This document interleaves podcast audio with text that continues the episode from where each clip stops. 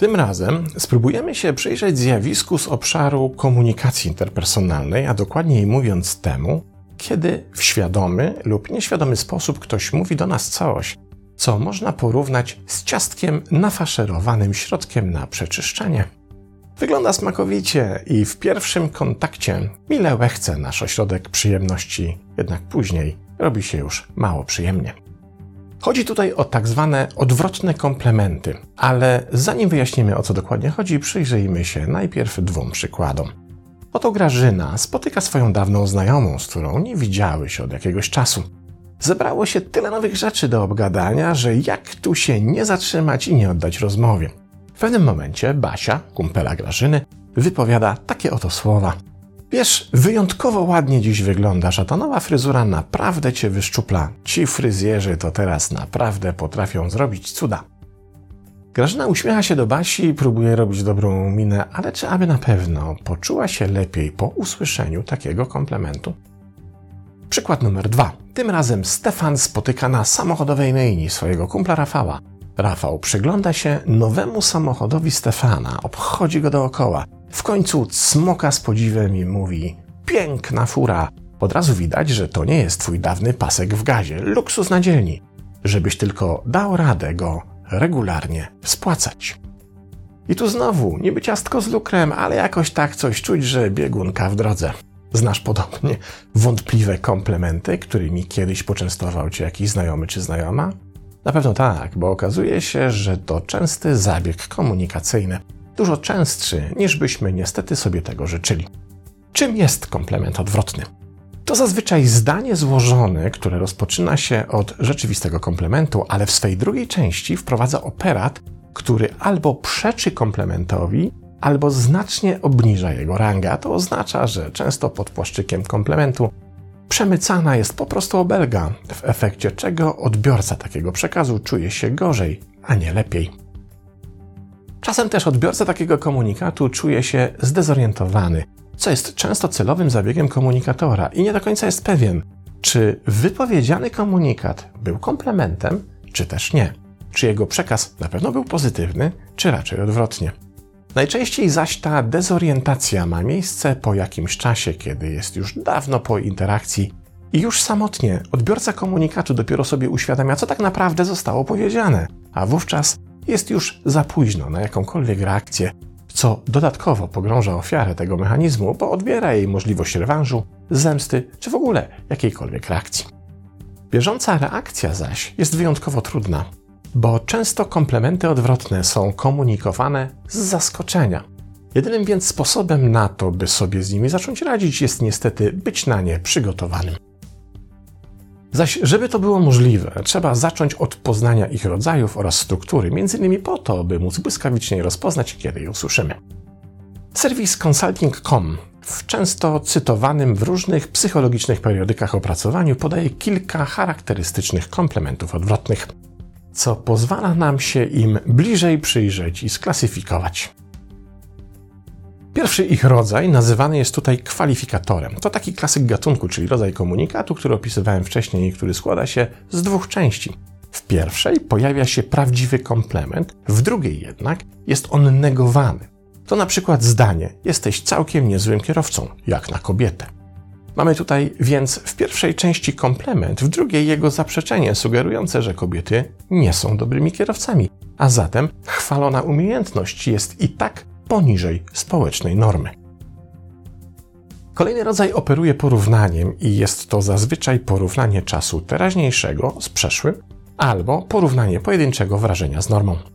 Zaś samo porównanie jest zogniskowane wokół tej samej osoby, czyli odbiorcy takiego komunikatu. To na przykład zdanie: Te ciuchy o wiele ci bardziej pasują, wyglądasz w nich wyjątkowo korzystnie.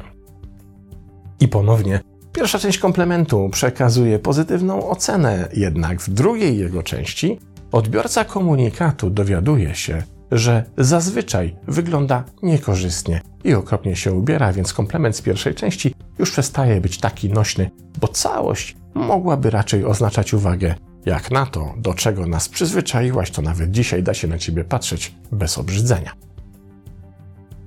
Trzeci typ nazywamy niespodzianką i zawiera również dwuczęściową strukturę. W pierwszej pada pozytywna ocena, jednak w drugiej dyskontowana jest ona zaskoczeniem, na przykład zaimponowałeś mi, że to wiesz, nie spodziewałam się tego po tobie. Tutaj umieszczony w drugiej części akt zaskoczenia tak naprawdę deprecjonuje osiągnięcia chwalone w części pierwszej. Czwarty typ. Komplementu odwrotnego nazywany jest zbędną obserwacją. W jego drugiej części komunikator odwołuje się do jakiejś stałej cechy charakteru, by zmniejszyć siłę pozytywnego przekazu z pierwszej części. Na przykład, świetnie, że przygotowałaś tę kolację na czas, chociaż w Twoim przypadku to przecież takie przewidywalne. Co tak naprawdę słyszymy w tym komunikacie? Niby świetnie, niby super, ale tak naprawdę przewidywalnie i nudno jak cholera. Kolejny rodzaj to atrybucja zewnętrzna. Tutaj druga część komplementu ma przenieść odpowiedzialność za sukces na czynniki zewnętrzne. A więc tak naprawdę odebrać sukces osobie, która jest w pierwszej części za ten sukces chwalona. Użyjmy przykładu. Świetnie ci poszedł ten egzamin, miałeś naprawdę świetne ściągi.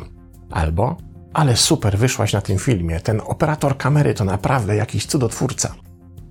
Szósty typ operuje sztuczną zazdrością, w której komunikator uznaje coś za pożądane, ale jednocześnie bezwartościowe. Dla przykładu, nawet nie wiesz, ile bym dał, żeby móc przez całe życie nie brać na siebie żadnej odpowiedzialności, zupełnie tak jak ty. Albo Tobie to dobrze, też bym chciała, żeby o mnie ludzie wyrabiali sobie tak dobre zdanie bez sprawdzenia, czy na to zasługuje.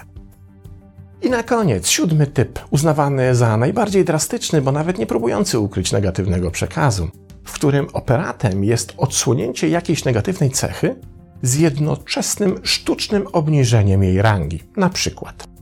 Teraz, kiedy zrobiłaś sobie licówki, masz tak ładne zęby, że w ogóle nie zwraca się uwagi na twój trądzik. Straszne, prawda? A jednak ludzie to robią sobie nawzajem i to niestety dość często. Pytanie, dlaczego to robią? Uznaje się, że istnieje kilka podstawowych przyczyn. Po pierwsze, komplementy odwrotne mogą być wypowiadane nieświadomie, bo z jednej strony przyświeca im rzeczywista dobra intencja skomplementowania, ale jednocześnie często nieświadomie dla komunikatora niejako odsłania on w drugiej części komplementu to, co naprawdę myśli lub jakie naprawdę ma nastawienie do komplementowanej osoby.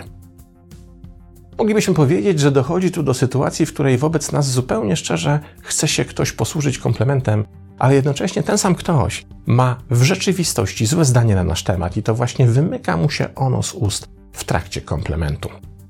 Tak jakby jego szczerość była silniejsza od jego taktu. Kolejną przyczyną jest celowy zabieg mający na celu wzbudzenie zainteresowania czy bycia dowcipnym, nietuzinkowym, intrygującym. Ten sam mechanizm działa w sławetnej formie komunikacji nazywanej neggingiem, w której mężczyzna chcący zainteresować sobą kobietę, na przykład w pubie, mówi do niej coś negatywnego, żeby wydać jej nietuzinkowy jednocześnie, by podnieść swoją pewność siebie, a obniżyć pewność siebie tej kobiety. A robi to, bo liczy na to, że kobieta chcąc się wytłumaczyć z zarzutu, będzie bardziej otwarta na rozmowę. Na przykład, Wiesz, w pierwszym wrażeniu pomyślałem, że jesteś dość snobistyczna i nie planowałem tej rozmowy, ale możliwe, że bardzo się w mojej ocenie pomyliłem. Teraz zaczepiona kobieta z jednej strony oczywiście woli się pozbyć intruza, ale z drugiej strony czuje się dyskomfortowo, posądzona o snobizm, więc najpierw postanawia się wybronić z tego zarzutu. Dlaczego uznałeś, że mogę być snobką? Coś zrobiła mnie tak? Kobieta zaczyna się tłumaczyć. A to już przecież początek rozmowy, na co tak naprawdę liczy żałosny podrywacz. Obrzydliwa technika, prawda? A przy okazji strzał we własne kolano.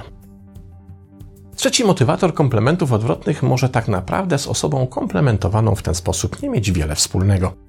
Po prostu tego typu komunikaty są częścią świata osób ogólnie nastawionych negatywnie do życia i innych ludzi. Oni po prostu wszędzie widzą uchybienia, niedoskonałości czy negatywne cechy, i w ten sposób komunikują je wszystkim naokoło. W tej sytuacji pamiętaj, to nie ty, ale to oni mają problem. W kwestii motywacji do komplementów odwrotnych przeprowadzono też ostatnio, bo w 2018 roku, ciekawe badania. Wykonały je połączone zespoły naukowców z Uniwersytetu Północnej Karoliny oraz Harvard Business School. Chciano w tych badaniach sprawdzić, czy intencje osób posługujących się komplementami odwrotnymi będą w pełni czytelne dla ich odbiorców. Okazało się, że wśród badanych dominowały dwie podstawowe intencje. Z jednej strony, ci, którzy używali takich komunikatów, wierzyli, że w ten sposób nadają ich odbiorcom status, czyli podnoszą lub wzmacniają ich pozycję za pomocą takich komplementów. Ale z drugiej strony wierzyli, że w ten sposób wydadzą się swoim odbiorcom bardziej sympatyczni, wyluzowani i interesujący, oddzielając się w ten sposób od innych zwykłych komplementatorów. Niestety to strzał kulą w płot, bo badani odbiorcy takich wątpliwych komplementów uznawali, że w efekcie takich komunikatów ani nie odczuwają podniesienia statusu, a wręcz odwrotnie, często w efekcie ich status wydaje im się niższy, a po drugie to, co w zamierzeniu komplementujących miało im zjednać sympatię, działa również odwrotnie. Autorów komplementów odwrotnych uznajemy dzięki temu za dużo mniej sympatycznych i generalnie wolimy od takich osób stronić. Jak się zatem bronić przed odwrotnymi komplementami? Po pierwsze, trzeba je błyskawicznie rozpoznawać, by móc na nie błyskawicznie reagować. Po drugie, trzeba wypracować sobie odpowiednie strategie reakcji i niestety przećwiczyć je wcześniej. Po trzecie, trzeba zdecydować, jaka strategia obrony najlepiej zadziała w konkretnej sytuacji. A tych strategii obrony jest kilka. Na przykład jest nią wskazanie zniewagi, czyli uświadomienie autorowi wątpliwego komplementu, który jego fragment zawierał tak naprawdę negatywny przekaz i dlaczego to, co zostało powiedziane, nie może być uznane za jakikolwiek komplement z jednoczesnym, stanowczym oczekiwaniem, by autor tego typu komplementacji powstrzymał się od takich komunikatów wobec nas w przyszłości. Ta strategia jest skuteczna głównie w tych sytuacjach, w których komplementator nie zdaje sobie sprawy z tego, co tak naprawdę robi. Druga strategia polega na potraktowaniu komplementu jako szczerego, a zatem dziękujesz za to, co w nim pozytywne i jednocześnie też dziękujesz za to, co w nim negatywne, bo tego typu uwagi uznajesz po prostu jako szczere i cenne. W tej strategii nieświadomy, odwrotny komplementator orientuje się, co zrobił, zaś świadomemu jest odbierana w ten sposób moc, bo widzi, że jego taktyka na ciebie nie działa. Trzecia strategia łączy ignorowanie takich komplementów z jednoczesnym ograniczeniem kontaktu z takimi osobami. W tej strategii po prostu uznajemy, że tego typu komunikaty odsłaniają jakąś prawdę o cechach autora takich komplementów, a to powoduje, że raczej nie chcemy mieć z nim wiele do czynienia. Jednak wśród wielu strategii radzenia sobie z odwrotnymi komplementami mam też swoją ulubioną. Polega ona na przekierowaniu wektora uwagi. Kiedy bowiem odpowiadamy komplementującemu, czy to broniąc się przed opinią, czy też się z niej tłumacząc, to jedynie ją tak naprawdę w jego oczach potwierdzamy. Kiedy odpowiadamy atakiem na atak, to jest to zaproszenie do konfrontacji, bo przecież on również na nasz atak odpowie jakąś swoją reakcją. Dlatego też można tutaj zastosować zasadę odwróconego wektora. Jeśli ktoś cię atakuje komplementem odwrotnym, to w odpowiedzi zamiast atakować jego, zaatakuj siebie. Zrób to jednak w taki sposób, by po pierwsze potwierdzić prawdziwość drugiego znaczenia komplementu, po drugie absurdalnie je wzmocnić, a po trzecie uczynić to w taki sposób, by to twój teraz komplementator nie był do końca pewny, czy mówisz serio, czy żartujesz. Pokażmy to na przykładzie. Niech odwrotny komplement brzmi: No, muszę powiedzieć, że to ci się udało. Naprawdę to, co teraz powiedziałeś, było bardzo mądre. Mamy tutaj schabowy klasyk, czyli zestawienie podkreślenia pozytywnej cechy ze słowem udało się, co w drugim znaczeniu oznacza, że zazwyczaj niczego mądrego nie ma się co po nas spodziewać. Wyobraźmy sobie tutaj taką odpowiedź. Oj, stary, ty nawet nie zdajesz sobie sprawy z tego, jakie ja potrafię głupoty wygadywać. Normalnie aż nogi wykręca. A pod wieczór to nawet sam już nie jestem tego w stanie słuchać. Albo inny komplement, koleżanki do koleżanki. Wiesz, ty dzisiaj naprawdę ładnie wyglądasz i nawet ci powiem, że tak niespodziewanie zdrowo. I odpowiedź. Muszę Ci, kochana, powiedzieć, że to zależy od dnia. Na przykład w poniedziałek, tak około 8 rano, to normalnie wyglądam, jakbym miała udar, a w piątek, jakby mnie właśnie reanimowali ze śpiączki. Ty wiesz, ile czasu trzeba, żeby to jako tako zamalować? Ta strategia nie należy do najbardziej skutecznych, bo może czasem ośmielić naszego komentatora do dalszych odwrotnych komplementów w naszym kierunku. Ale to, co w niej najbardziej lubię, to reakcje, które wywołuje po drugiej stronie. Czasem naprawdę bezcenne. Pozdrawiam.